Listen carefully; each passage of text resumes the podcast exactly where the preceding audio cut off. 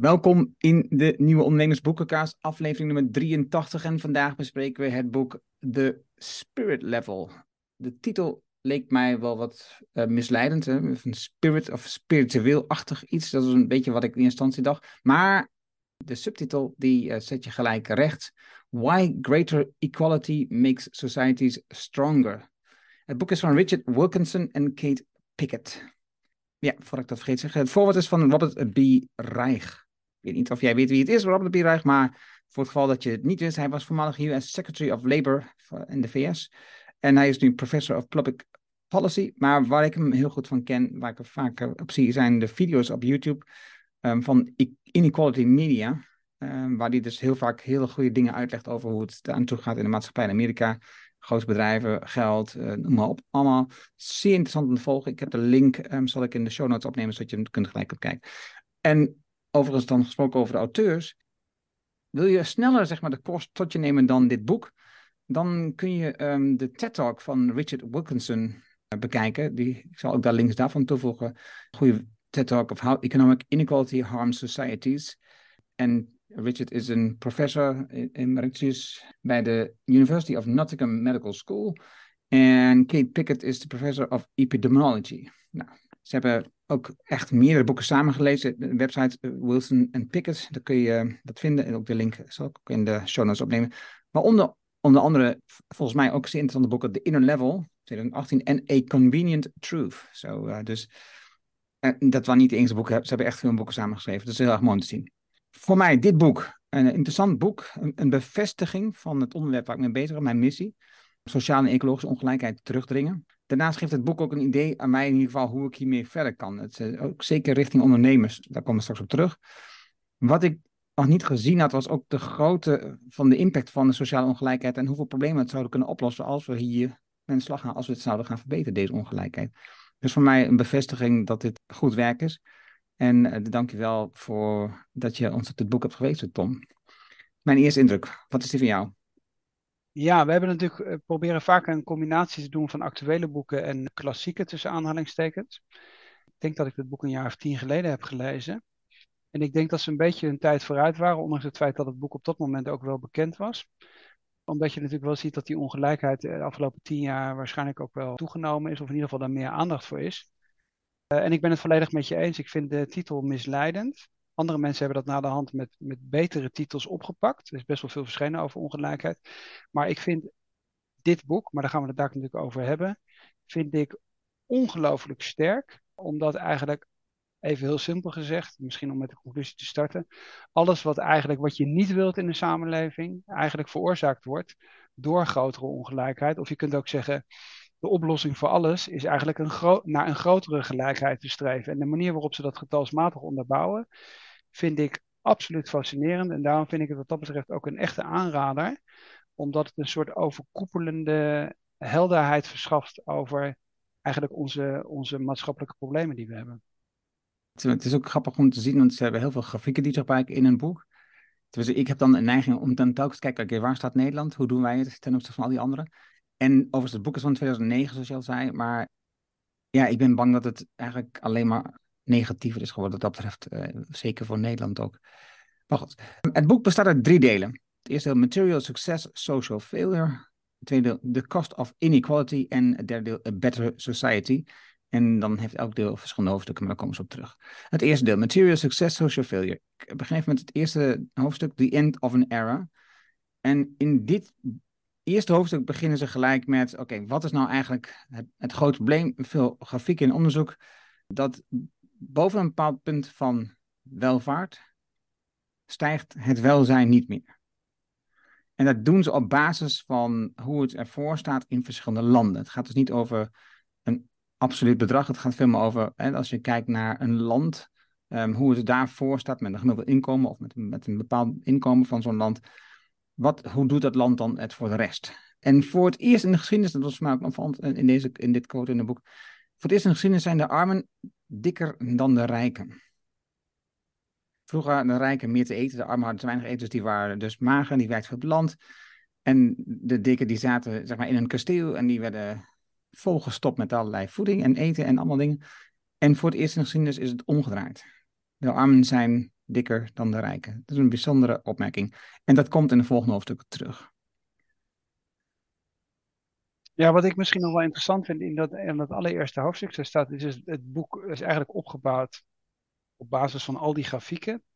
En op de ene as staat eigenlijk altijd ongelijkheid en op de andere as staat dan het thema van het desbetreffende hoofdstuk. En uh, misschien is dat wel een grafiek die mensen kennen. Ik houd het wel even erbij, maar ik zal er wel even zeggen wat er, wat er in de grafiek staat. Het is een hele beroemde grafiek namelijk. Bladzijde 7 van het boek. En daar staat op de ene as staat de levensverwachting, op de verticale as. En op de horizontale as staat het nationaal inkomen. En wat je vaak terugziet in de discussies is dat uh, inmiddels de leef, leeftijdsverwachting of de, uh, ja, de levensverwachting in Amerika uh, ten opzichte van landen die een veel lager gemiddeld nationaal inkomen hebben, lager is geworden. Dus dat idee van als ik maar steeds meer produceer en een veel hoger nationaal inkomen heb per persoon, dan leef ik ook langer, wordt door die tabel gelogenstraft. En daar wordt ook best wel veel op LinkedIn en zo over, gepost. Dus dan heb je bijvoorbeeld landen als Costa Rica en Cuba. Die hebben, die hebben min of meer dezelfde levensverwachting als USA. Ik neem, neem bewust even Costa Rica en, en Cuba, omdat de Amerikanen dat natuurlijk helemaal niet leuk vinden. Uh, en, dan, en dan zie je in principe, als je in die grafiek kijkt, dat ze 10.000 uh, dollar uh, nationaal inkomen per persoon hebben. En Amerika heeft het viervoudige. En dat is eigenlijk een beetje de opmaak van, ja, leidt dat dan tot meer? Want we hebben het natuurlijk heel vaak over economische groei uh, et cetera. En, dat is een beetje het fundament onder dat, um, onder dat boek. Dat wil ik nog even mededelen. Poverty or inequality. Wat voor mij het opvallendste deel in dit boek was dat het niet zozeer gaat over de verschillen tussen die landen. Het verschil tussen het rijke VS en het arme Costa Rica bijvoorbeeld. Uh, maar het gaat veel meer over het verschil tussen uh, het verschil in rijkdom tussen de mensen in een land. Dat veroorzaakt het, het verschil tussen een rijkdom binnen gemeenschappen. Dat veroorzaakt de grootste problemen. En hebben we straks in het tweede deel zie je welke problemen allemaal uit voortkomen. Wil je een sociale omgeving en een kwaliteit van leven voor iedereen verbeteren, dat is de conclusie die ze dan in dit hoofdstuk al gelijk trekken, is dan moet je dus de ongelijkheid verminderen. Dat is gewoon, dat is waar mee in de slag moet. Er zit niks anders op. En dus het gaat niet zozeer over armoede. Hè, dus dat een land dat mensen in een land arm zijn, daar gaat het niet zozeer over. Het gaat over dat het verschil in uh, wat ze verdienen of wat ze hebben, dat dat groot is. Als dat groot is, dan is er een probleem. Dat, dat leidt tot problemen. Kern van, van het verhaal. Ja, en in de grafiek zeggen ze dan, om weer het even de grafiek erbij te pakken, dan zetten ze op de ene op de verticale as, zetten ze de index van de problemen. Dus dat zijn gezondheids- of sociale problemen. En dan op de andere as hebben ze dan weer die inkomensongelijkheid. En elke keer is die correlatie zo, zo frappant. En dan heb je eigenlijk, en dat, dat hebben we natuurlijk wel vaker gezegd, dan heb je Scandinavië en Japan. Doet het naar verhouding heel goed. En dan is de grote outlier, in negatieve zin, is eigenlijk al de Verenigde Staten. Dat is, dat, is, dat is eigenlijk elke keer. En het interessante is op basis van die data, dat is niet subjectief. Nee, dat zijn eigenlijk altijd data die of van het Bureau voor Statistiek uit de Verenigde Staten zelf komen, omdat ze eigenlijk altijd twee dingen doen. Ze bekijken enerzijds alle landen op de wereld en ze bekijken de Amerikaanse staten onderling ten opzichte van elkaar, wat het overigens vind ik het heel sterk maakt. Omdat je namelijk ook kunt zeggen, puur op basis van die data in de VS kan ik ook die staten met elkaar vergelijken. En om even één voorbeeld uit het eerste hoofdstuk te nemen, omdat dat we als Nederlanders daar ook mee vertrouwd zijn. Dat is bijvoorbeeld, ze nemen bijvoorbeeld bij de index van, van hoe, hoe, tevreden en blij kinderen zijn. Dat zijn de data van de UNICEF, dus een van die VN-organisaties. Daar staan Finland, Zweden en Nederland staan helemaal bovenaan. Dat, met hun, daar gaan de kinderen zijn het gelukkigst. Ja, en onderaan, in dit geval is het dan rechts beneden, waar de inkomensongelijkheid het grootste is, is die het laagste. Dus je elke keer wat ze doen, is ze trekken dan een streep. En, en laten die correlatie in principe zien tussen in dit geval ongelijkheid en tevredenheid van kinderen.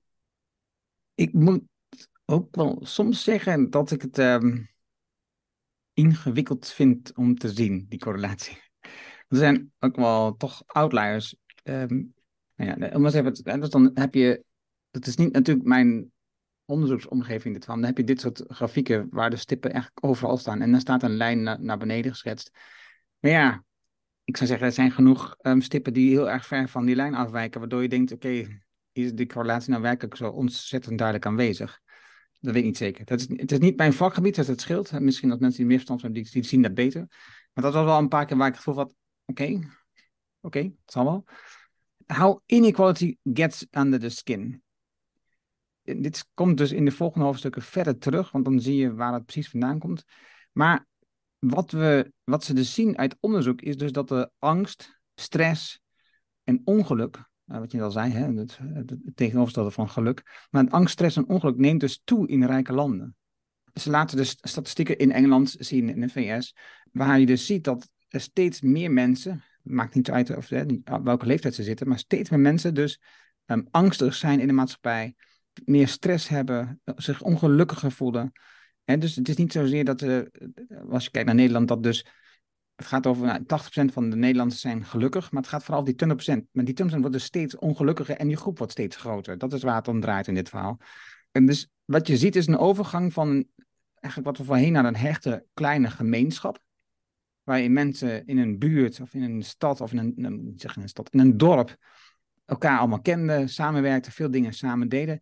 Naar een massamaatschappij, waar we dus eigenlijk niet meer zo vertrouwd zijn met de buurt, maar vooral communiceren met de grote wereld via social media onder andere, of via het internet of via de telefoon, maar waarbij dus het sociale contact steeds minder wordt. En dus ook als je een plek zoekt om met anderen te praten over je problemen, die is ook steeds ingewikkelder. Want op die andere plekken, die sociale media, dat dingen, gaat het vooral juist over dat je jezelf goed positioneert, dat je goed uitziet en dat je geluk in het leven hebt en dat je rijkdom hebt. Dus dat maakt het probleem des te groter, dat je niet alleen de mensen om je heen hebt die zeg maar, in eenzelfde soort situatie verkeert, dat je daar tot in die gemeenschap thuis voelt. Nee, juist die gemeenschap is zo, omdat die dus groot is wereldwijd, wordt er nog meer accent gelegd op het individualisme en op het vergelijk met anderen.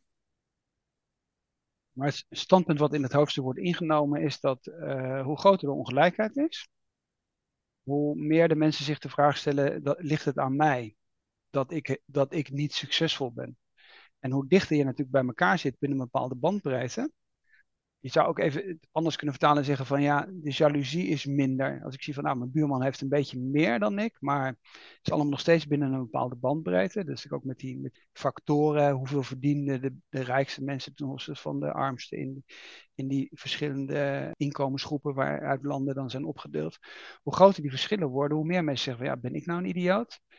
En als je natuurlijk dan nog het principe hebt van ja, de mensen die heel succesvol zijn, dat hebben we ook besproken in het boek van Michael Sandel, hè, over meritocratie. Als wij dan ook met z'n allen nog geloven dat de mensen die succesvol zijn het aan zichzelf te wijten hebben. En als jij niet succesvol bent, dat je een idioot bent, dat versterkt in principe die ontevredenheid. En het versterkt ook die stress. Want degene die niet succesvol is, die heeft het aan zichzelf te wijten. En dan krijg je dus ook die overcompensatie die jij net beschrijft, of daar social media is, staat hier. As greater inequality increases status competition and social evaluated threat, egos have to be propped up by self-promoting and self-enhancing strategies. En dat is wat we natuurlijk in principe nu globaal op LinkedIn zien. We zijn allemaal op Facebook. We zijn allemaal, we willen eigenlijk allemaal laten zien dat we allemaal hartstikke succesvol zijn. Eh, en omdat we alleen maar die kant laten zien, geloven wij ook nog van al die andere mensen dat ze veel happier en veel succesvoller zijn dan wij dat uh, zijn. En dat versterkt natuurlijk dit hele dat hele proces. Oké, dat is deel 1. En eigenlijk is het dus de opmaat naar deel 2, waarin wordt ingegaan op de problemen die dus worden veroorzaakt door die ongelijkheid, zoals we noemen de cost of inequality. Um, trap jij die maar eens af? Ja, ik denk dat dit in principe de kern van het boek is, wat we net al even hebben beschreven. Dat je een hele rij hoofdstukken hebt. Ik wil eens even kijken hoeveel dat er überhaupt zijn. 2, 4, 6, 8, 9 waar in principe elke keer één thema uitgepakt wordt en elke keer laat men zien op basis van die grafiek dat die correlatie er is. Uh, ik weet niet of we ze allemaal moeten bespreken, maar het gaat over sociale relaties, over, over uh, gezondheid, drugs, levensverwachting, uh, obesity, educatie, teenage birth, geweld, hoeveel mensen er in de gevangenis zitten en de sociale mobiliteit. Heb ik ze toch alle negen snel opgenomen. En dan moeten we even kijken welke, welke, je wilt, welke we willen bespreken. We beginnen maar meteen met de eerste. Nou, wat je in principe ziet, is wat we natuurlijk wel vaker ook uh, kennen, is, er is overigens net een onderzoek gepubliceerd, vertrouwen in de overheid. Ik kreeg het van iemand gestuurd uit Nederland. Of de burger vertrouwen heeft in de overheid. Zwitserland stond op nummer 1 overigens. Dan is de vraag, bijvoorbeeld, er is veel onderzoek naar gedaan. Ik heb het hier bladzijde 52. Het percentage mensen wat bevestigend reageert op most people can be trusted. dus de meeste mensen deugen, om maar even Brechtman te citeren. En wat je ziet is dat in landen die gelijker zijn, dan een veel hoger percentage zegt ja, dat is zo.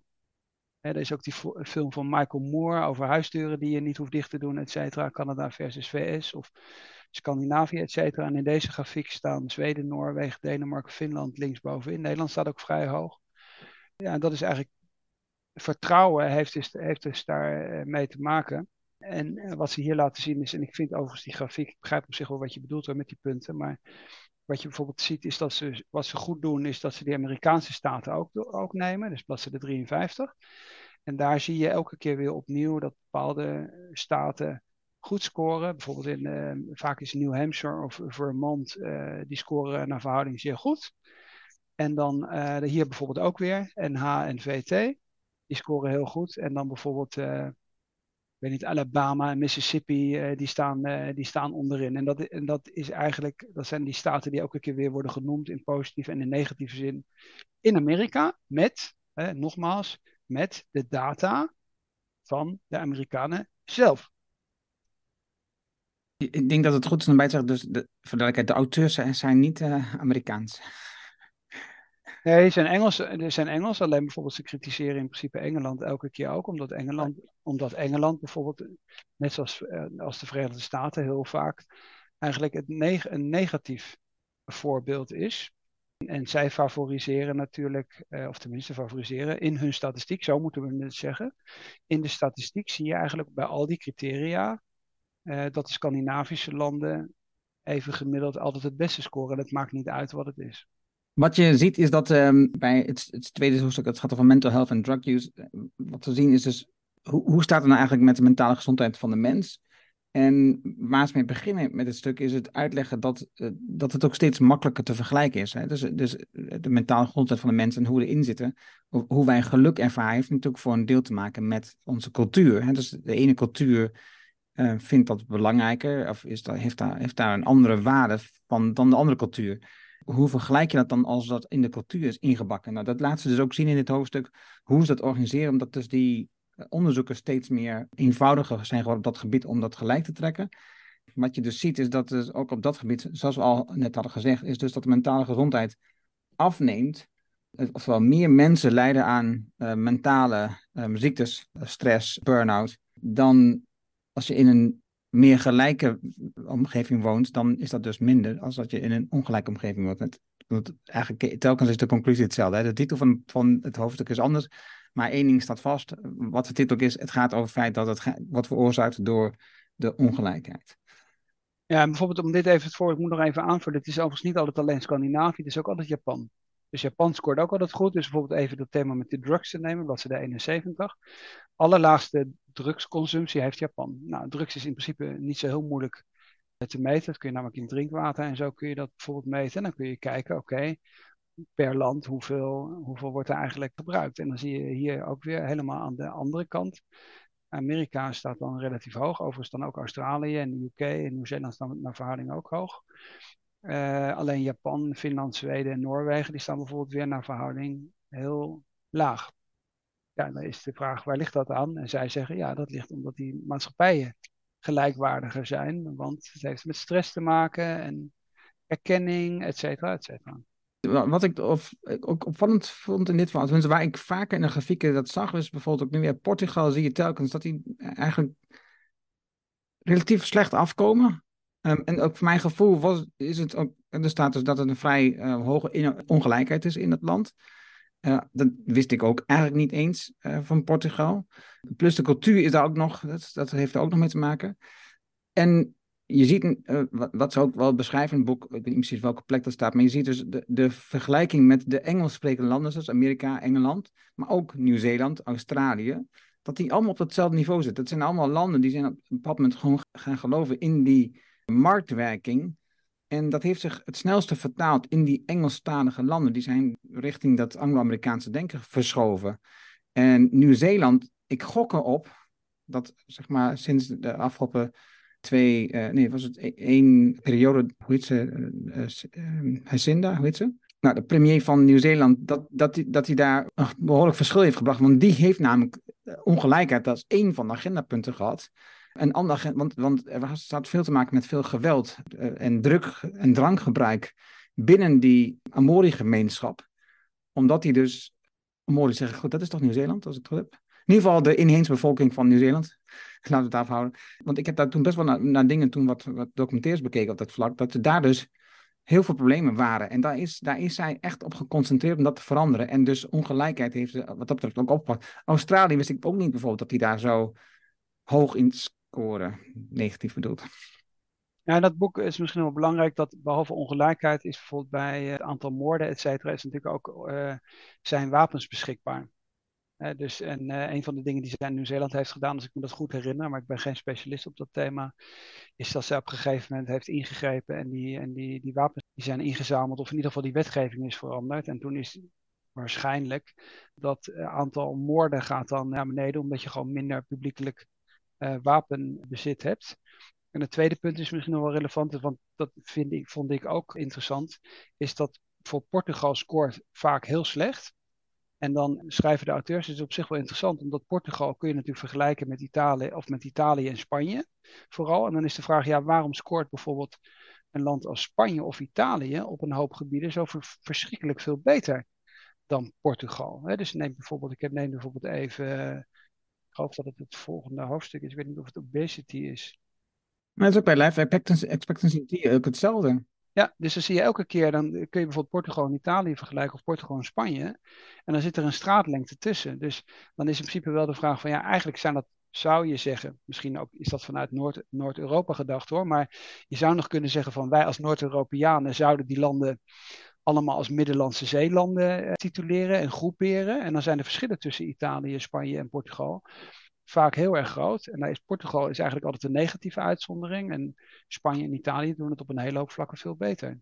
Ja, ja die, zoals bijvoorbeeld bij, uh, want de volgende hoofdstuk dat gaat dus over hoe oud we worden, dus de levensverwachting. En dan zie je op pagina 80 zie je dat Portugal is het nou, rond de 76. Uh, dus, dus, dus van 2009, dus wel 15 jaar geleden. En uh, Italië en Spanje, die zitten rond de ruim 78, 79 jaar. Japan, die zit net onder de 82 jaar. He, dus uh, ja, je kun je denken, ja, wat is nou, wat is nou vier tot zes jaar levensverwachtingsverschil? Wacht maar, wacht maar tot je, tot je 77 bent. Dan denk je, oh, wacht, ik wil nog wel zeven jaar meegaan, uh, liever graag, alsjeblieft. Ja, dus je, kun, je kunt het niet verklaren met dat ze allemaal vis eten, of meer vis eten, omdat ze allemaal in de Middellandse Zee liggen. Want in Portugal wordt ook veel vis gegeten. Dus wat dat betreft is, is, dat, is dat echt interessant om te zien hoe groot die uh, verschillen zijn. Oké, en ook in dit hoofdstuk over, dan zie je ook eh, de biologische stressfactoren dus meetellen, waardoor, we dus, waardoor de levensverwachting omlaag gaat. He, dus uh, ik weet niet meer welk hoofdstuk was het, in dit hoofdstuk waar ze het ook hebben over dat dus op een bepaald moment zelfs de, het zelfdodingaantal hoger is dan de natuurlijke sterfgevallen. Was dat in dit hoofdstuk? Ik weet niet 100% zeker. Wat er dus is, je ziet dus een link die ze proberen te leggen tussen de, de chronische stress die wij ervaren en de verkorte levensduur. En die chronische stresservaring die is dus uh, vele malen erger op het moment dat de ongelijkheid groot is. Dat is waar het op neerkomt. Dat is de causaliteit die ze proberen aan te tonen in dit uh, gedeelte. Dan is het volgende deel obesitas. Ja, een stuk iets wat we allemaal weten, denk ik. Ja, hoe groter de ongelijkheid, hoe breder ons, ons middel. Dat is de titel van het hoofdstuk. En over het, elke, elk hoofdstuk begint met een mooie, mooi plaatje, een afbeelding.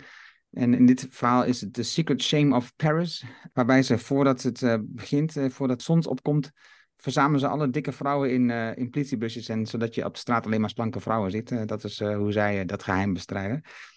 Maar ja, je ziet het gewoon. You can never be too rich or too thin, is bijvoorbeeld het hoofdstuk. Dus je ziet dat rijke mensen, die zitten dus, ja, die werken aan een gezonde levensstijl, die sporten veel, bewegen veel, proberen van alles te doen om gezond te blijven. zijn in staat om gezondheid te kopen. Dat is natuurlijk de gedachtegaat, dat ze daarom gezond zijn. Aan de andere kant is het juist dat de mensen die dus weinig hebben, veel stress hebben, vooral eten vanuit stress. Ze hebben het gevoel dat de situatie niet kunnen veranderen.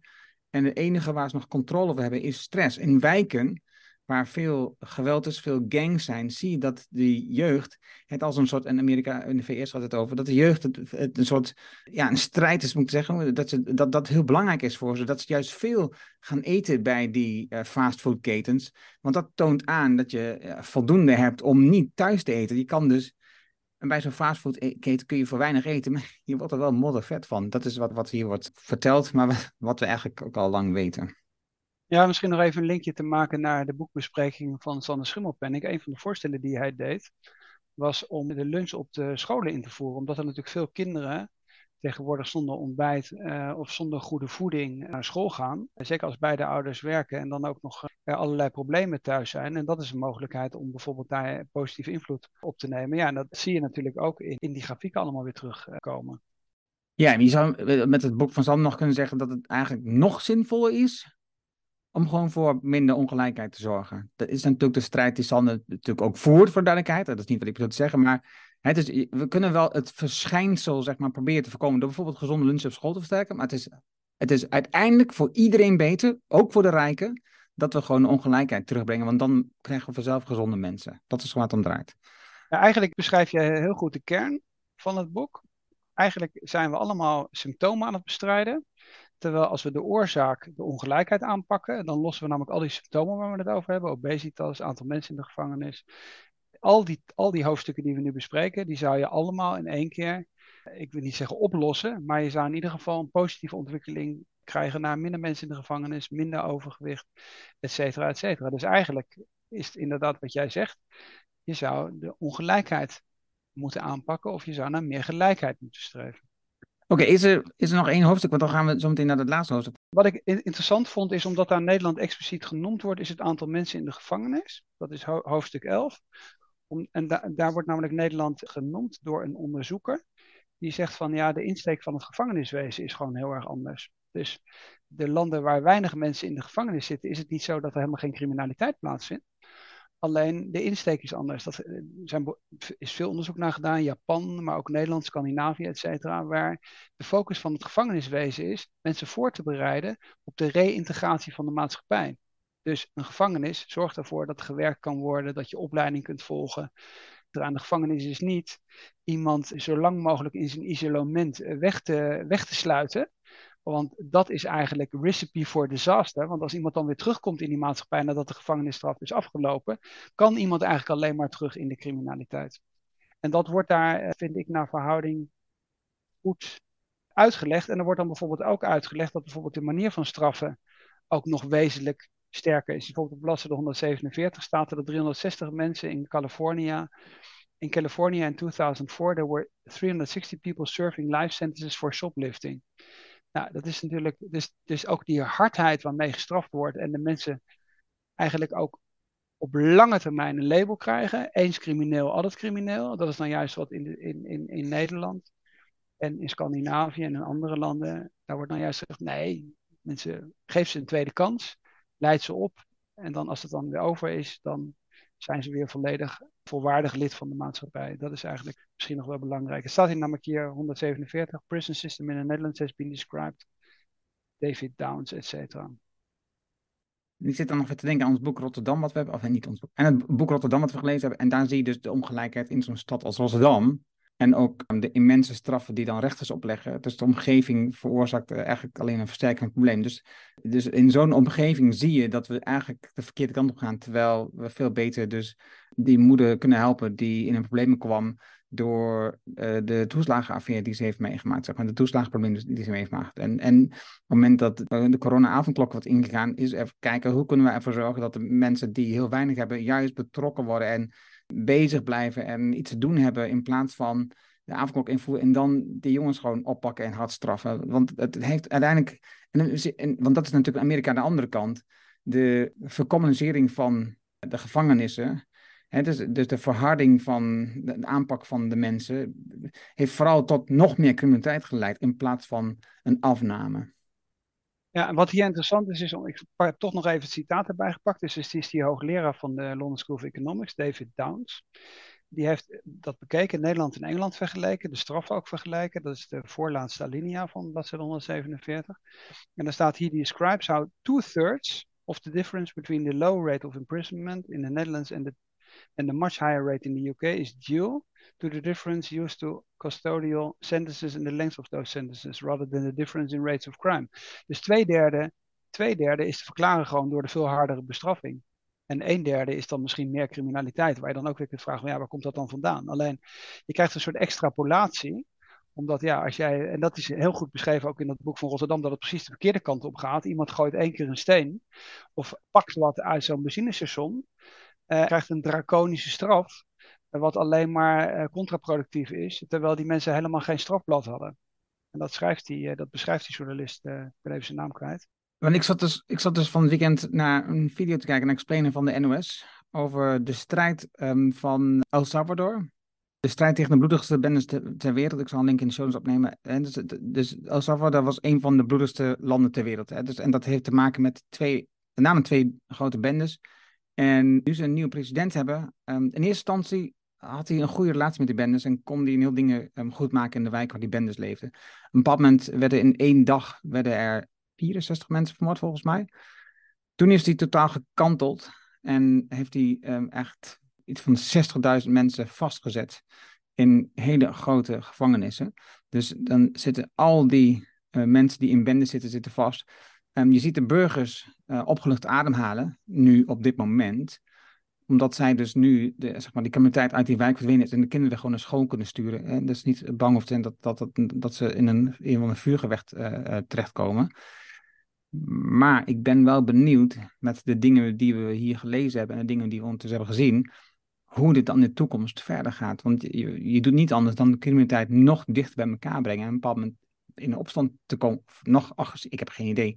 Maar ik kan me niet voorstellen, je kan die mensen niet zomaar ergens uh, op een eiland dumpen en zeggen, ja, nou zijn we van het probleem af. Die, die blijven toch in het land uh, wonen. Dus ik ben zeer benieuwd hoe dit in de toekomst verder gaat. Je had nog iets gezegd over de statistieken en in hoeverre de correlatie. En als je bijvoorbeeld op bladzijde 148 kijkt, dan is het wel striking dat je in principe op, op die pagina trek je dus een lijn van uh, links beneden naar lage aantal gevangenen en naar rechtsboven hoge aantal. Dat dat één op één Behalve Griekenland is een beetje een outlier en de, en, de, en de Verenigde Staten aan de bovenkant een outlier. Maar voor de rest correleert dat, wil niet zeggen één op één, maar correleert dat dus met de inkomensongelijkheid. Dan is natuurlijk wel de vraag, dat is wel gek dat die correlatie er dus is. Heb je een lage ongelijkheid, Japan he, heel weinig. Heb je een hele hoge uh, ongelijkheid, of het nou VS of in dit geval Singapore is dit soort dingen ook een outlier, dan zitten er heel veel mensen in de gevangenis. Ja, en daarbij, als je het boek leest, dan zul je dat ook lezen. Ze hebben natuurlijk niet alle landen onderzocht. Ze hebben een keuze gemaakt van welke landen ze niet onderzocht, welke landen ze hebben geëxcludeerd, waarom ze het hebben losgelaten, die landen. En dan zul je dus ook begrijpen dat sommige landen telkens terugkomen en ook op sommige onderzoeken juist er niet tussen staan dat er dan bijvoorbeeld geen resultaten waren, resultaten waren uit, die, landen. Oké, hoofdstuk of deel 3, A Better Society. En ik wil eigenlijk het liefste gaan naar uh, het, laatste hoofdstuk, anders wordt het een lange aflevering. Building the Future. Tenzij jij wil zeggen, ik heb de voor. Want dat hoofdstuk heeft op mij wel de meeste indruk gemaakt. Het is dus nadenken over hoe we dus nu een toekomst bouwen met elkaar, die ervoor zorgt dat die ongelijkheid dus wordt teruggedrongen. En dat heeft veel te maken met bedrijven de grote bedrijven, de corporates, die zijn dus het overlaten van de toekomst van de maatschappij, de wereld, aan de markt. Dat is een, een heel groot deel van de oorzaak van dit probleem. dus de bedrijven uh, werden steeds, worden steeds groter. De CEO's van bedrijven verdienen steeds meer. De aandeelhouders die op een afstand staan van de medewerkers maken keuzes over bedrijf. Uh, zonder dat ze eigenlijk zelf wat merken van de keuzes die ze maken. Je gaat nadenken over of mensen minder gaan verdienen of mensen gaan ontslaan, terwijl ze daar zelf helemaal niets van merken. Het enige wat ze merken is, gaat het aandeel omhoog, ja of nee? Want daar haal ze de winst uit. Krijg ik meer dividenduitkering, ja of nee? Want daar verdien ik, daar leef ik van. Een van de dingen die mij hier opviel, was als je nadenkt dat de grootste waarde van een bedrijf tegenwoordig zit niet in de machines. Het zit in de medewerkers. Dus als je een bedrijf als eigenaar verkoopt en daarmee na tijd een enorme pakket winst geld hebt, dan handel je eigenlijk gewoon in mensen. Het is gewoon een soort tussenquotes slavenhandel wat je bedrijft. Je verkoopt je bedrijf onder de titel van jouw bedrijfsnaam, maar je hebt het verkocht omdat die mensen in dat bedrijf een bepaalde waarde hebben aan iemand anders. En dat vond ik een hele bijzonder inzicht. Ja, en voor de rest gaat het natuurlijk heel veel over um, dat dus eh, om te kijken hoe kunnen we het oplossen, is dat we dus niet moeten denken in corporates, maar in coöperaties bijvoorbeeld. In bedrijven waar medewerkers mede-eigenaar zijn, of eigenaar zijn, en medezeggenschap hebben. Nou, we hebben daar al meerdere boeken over besproken. Um, ik heb in de podcast meerdere mensen over gesproken, maar het gaat veel meer over hoe je nadenkt over met elkaar hoe je bedrijven organiseert.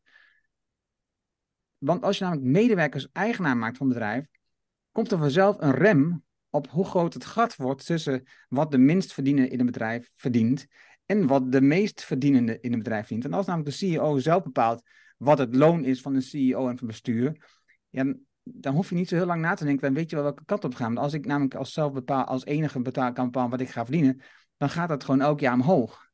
En het enige manier wat ik kan doen is meer omzet draaien, of medewerkers verder uit kunnen hebben, wat dan ook, of de grondstof van verder halen, zodat ik daar minder voor betaal.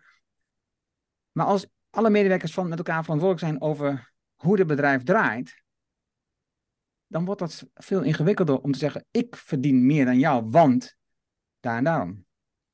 Nou, dat hebben we ook besproken in het boek De Miljardairs onder de guillotine.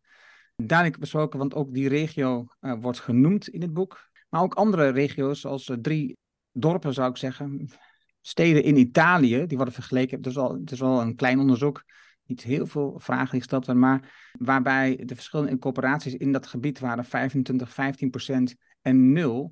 En je ziet precies in het gebied waar nul coöperaties zijn, is de criminaliteit bijvoorbeeld het hoogste. De, alle dingen die in het boek hebben besproken, komen daar naar voren.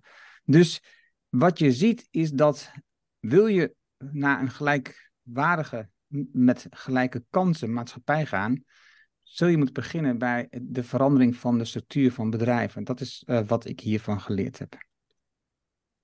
Ja, ik, ik, dat natuurlijk in principe, de, zij zetten door op dat thema. Dat kan, dat is een mogelijkheid. Ik weet helemaal niet of dat zo. Uh, voor mij is de conclusie van het boek veel meer. Vanaf een bepaald niveau, vanaf een bepaalde ongelijkheid, is het voor de hele maatschappij en ook voor de mensen die veel hebben, contraproductief. Dus als jij weet dat uiteindelijk, ik noem maar even een heel dit is natuurlijk een erge versimpeling. Alleen als ik heel rijk ben en ik kan mijn kinderen niet meer naar de school sturen, omdat het risico groot is dat ze overhoop worden geschoten. Gisteren was er ook weer een of andere mass shooting als voorbeeld. Of er zitten heel veel mensen in de gevangenis. Of je hebt heel, heel veel mentale issues. Dat hebben we ook besproken. Bij Michael Sender was dat geloof ik in het boek. Dan is de vraag van ja, maar schiet ik dan ook als, ook al behoor ik tot de geprivilegeerde, schiet ik daar wat mee op? Ik bedoel, ik kan een heel groot hek om mijn huis zetten. Ik kan er ook een, een of andere bewaker voor zetten. Ik kan private compounds maken, et cetera. Dan moet ik mijn, mijn kinderen met een geblindeerde auto naar school rijden. Wat ik elke keer weer zo interessant vind is, het is voor iedereen, ook voor de mensen waar het veel beter mee gaat, is die grote ongelijkheid helemaal niet zinvol. En als je dan weet dat je eigen geluk uiteindelijk bij grotere ongelijkheid ook naar beneden gaat, of je eigen levensverwachting ook naar beneden gaat, of je kans op depressie stijgt, of de kans dat je omver wordt geschoten of beroofd wordt of wat dan ook, dan is het in je eigen belang om, ook al heb je veel, en dat is in principe het punt wat Schimmelpenning ook elke keer maakt, dan is het in je eigen belang dat die verschillen niet te groot worden. En dat is Watch Pitchforks, hè, Nick Hanauer, et cetera. Het is in je eigen belang, ook al sta je aan de, aan de rijkere kant van de maatschappij, te zorgen dat die verschillen niet groot genoeg worden. En ik vind dit boek een uitstekende getalsmatige bewijs daarvoor dat het maakt niet uit welk thema je hebt, eigenlijk er altijd een, een negatieve correlatie is met die ongelijkheid. Dus laten we met z'n allen meer naar het Scandinavische model streven en minder naar het Amerikaanse model. En wat ik elke keer weer interessant vind is, als je, ben op, met, ik ben met Nederlandse ondernemers in San Francisco geweest, ga je Silicon Valley, al die bedrijven bekijken, allemaal fantastische verhalen. En dan loop je één keer door San Francisco. Dan liggen al die zwervers op straat. En dan zegt elke Nederlander, zegt, nou, dit, dit willen we eigenlijk niet.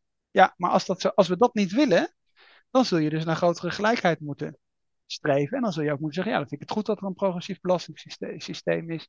Dan is het goed dat, dat, je, dat je gewoon erfenisbetaling of uh, belasting over je erfenis en zo moet betalen. Punten die Sander Schimmelpenninck maakt. Dus ik vind dit boek in combinatie met Sander Schimmelpenninck eigenlijk heel erg, ja, heel erg zinvol en goed om daar eens naar te kijken. Eens. En ik denk dat wat zij hier beschrijven, dat op het moment dat je aan de slag met belasting, dat is een mogelijkheid, maar een veel betere mogelijkheid, zeggen zij. Want als je namelijk eerst die ongelijk op laat lopen en, en dan de belasting gaat heffen. Dus, dus zij zeggen, een veel betere uh, methode is, laten we ervoor zorgen dat die bedrijven vanaf het begin af aan anders zijn ingericht. En veel gelijkwaardige structuur is. En dus de medewerkers vooral eigenaar en medezeggenschap krijgen. Dan want dan ontstaat die ongelijkheid niet zo snel. Dan is dat vanzelf veel meer op een gelijkwaardig niveau. En dus, ja, het is veel moeilijker in te voeren. Dus daarom, daarom... Ik ben het mee eens. Ik zeg niet dat het eenvoudig is, maar het is wel een goed uitgangspunt. Daarom wil ik het heel bewust benoemen, omdat ik zelf ook met veel ondernemers bezig ben natuurlijk. Is nadenken van, oké, hoe kunnen we nu wel... Hoe kan, hoe kan ik dan als business coach, laat ik dan even zo zeggen, hoe kan ik als business coach dit onderwerp duidelijk maken bij ondernemers, waarom dit zo belangrijk is? Nou, dit boek is daar een handvat voor om dat te organiseren. Dat is zo keek ik ernaar. Want ze hebben bijvoorbeeld op pagina 252 zie je een aantal alternatieven om die coöperaties om zeep te helpen, wat, wat, wat andere mogelijkheden zijn. Op 260 zie je ook zes voordelen van een meer gelijke gemeenschap en mede-eigenaarschap. Dus ik heb met dit hoofdstuk in mijn optiek en met dit boek een handvat gekregen om te laten zien: hé, hey, maar denk nu eens aan een andere organisatiestructuur. Ook al snap ik wel, je bent begonnen als zelfstandige, je bent met partners begonnen, het is jouw bedrijf. Maar waarom zou je hem niet anders inrichten zodat je die toekomst wel realiseert? Want dat zag namelijk vanaf het begin af aan voor een veel gelijkwaardige omgeving. Ja, punt is duidelijk. Voor mij is het een super interessant boek. Het gaf me nieuwe inzichten en connecties met ongelijkheid die ik gewoon niet kende, die ik niet, die ik niet had gekoppeld aan die ongelijkheid. Zeker ook, wat ik wel vaak heb genoemd, is uh, er zijn nog steeds 700 miljoen mensen in, in de wereld die leven onder de armoedegrens. dus, dus heel vaak denk je in de ongelijkheid op de wereld. Het rijke Westen ten opzichte van het arme zuidelijk halfrond bijvoorbeeld. Hè? Dus we die nog naar een bepaald niveau moeten brengen, brengen. Maar het zit veel meer dus, dat is wat ik heb geleerd, in die ongelijkheid in een maatschappij, in een land. Om dat verschil weg te werken. Want als we dat namelijk doen, dan worden we een veel sociale gemeenschap. En dan gaan we vanzelf namelijk ook aan de slag met die, met die landen die nog onder het welvaartniveau zitten. Ja, ik vind het een, een boek. Uh, het, het is heel interessant. We hebben boeken besproken die iets makkelijker weglezen dan dit boek, vind ik zelf. En als je ja, snelheid wil, je wil iets meer en sneller begrijpen wat hier wordt besproken, kijk dan de TED Talk. Want ja, dat is 15 minuten. Uh, en dan heb je echt de kern van het verhaal uh, over ongelijkheid en de links die er zijn. Met ook een bulk aan grafieken. Dat was hem voor mij. Ja, hartstikke goed. nou, dan dank ik jullie wel voor het luisteren naar deze aflevering. Als je de video kijkt, dank je wel voor het kijken. Volgende keer hebben we weer een gaaf boek. Ik heb net besloten dat we dan gaan bespreken over de scaling ups en downs van Wendy van Ierschot. En uh, dankjewel Tom. Dankjewel Erna.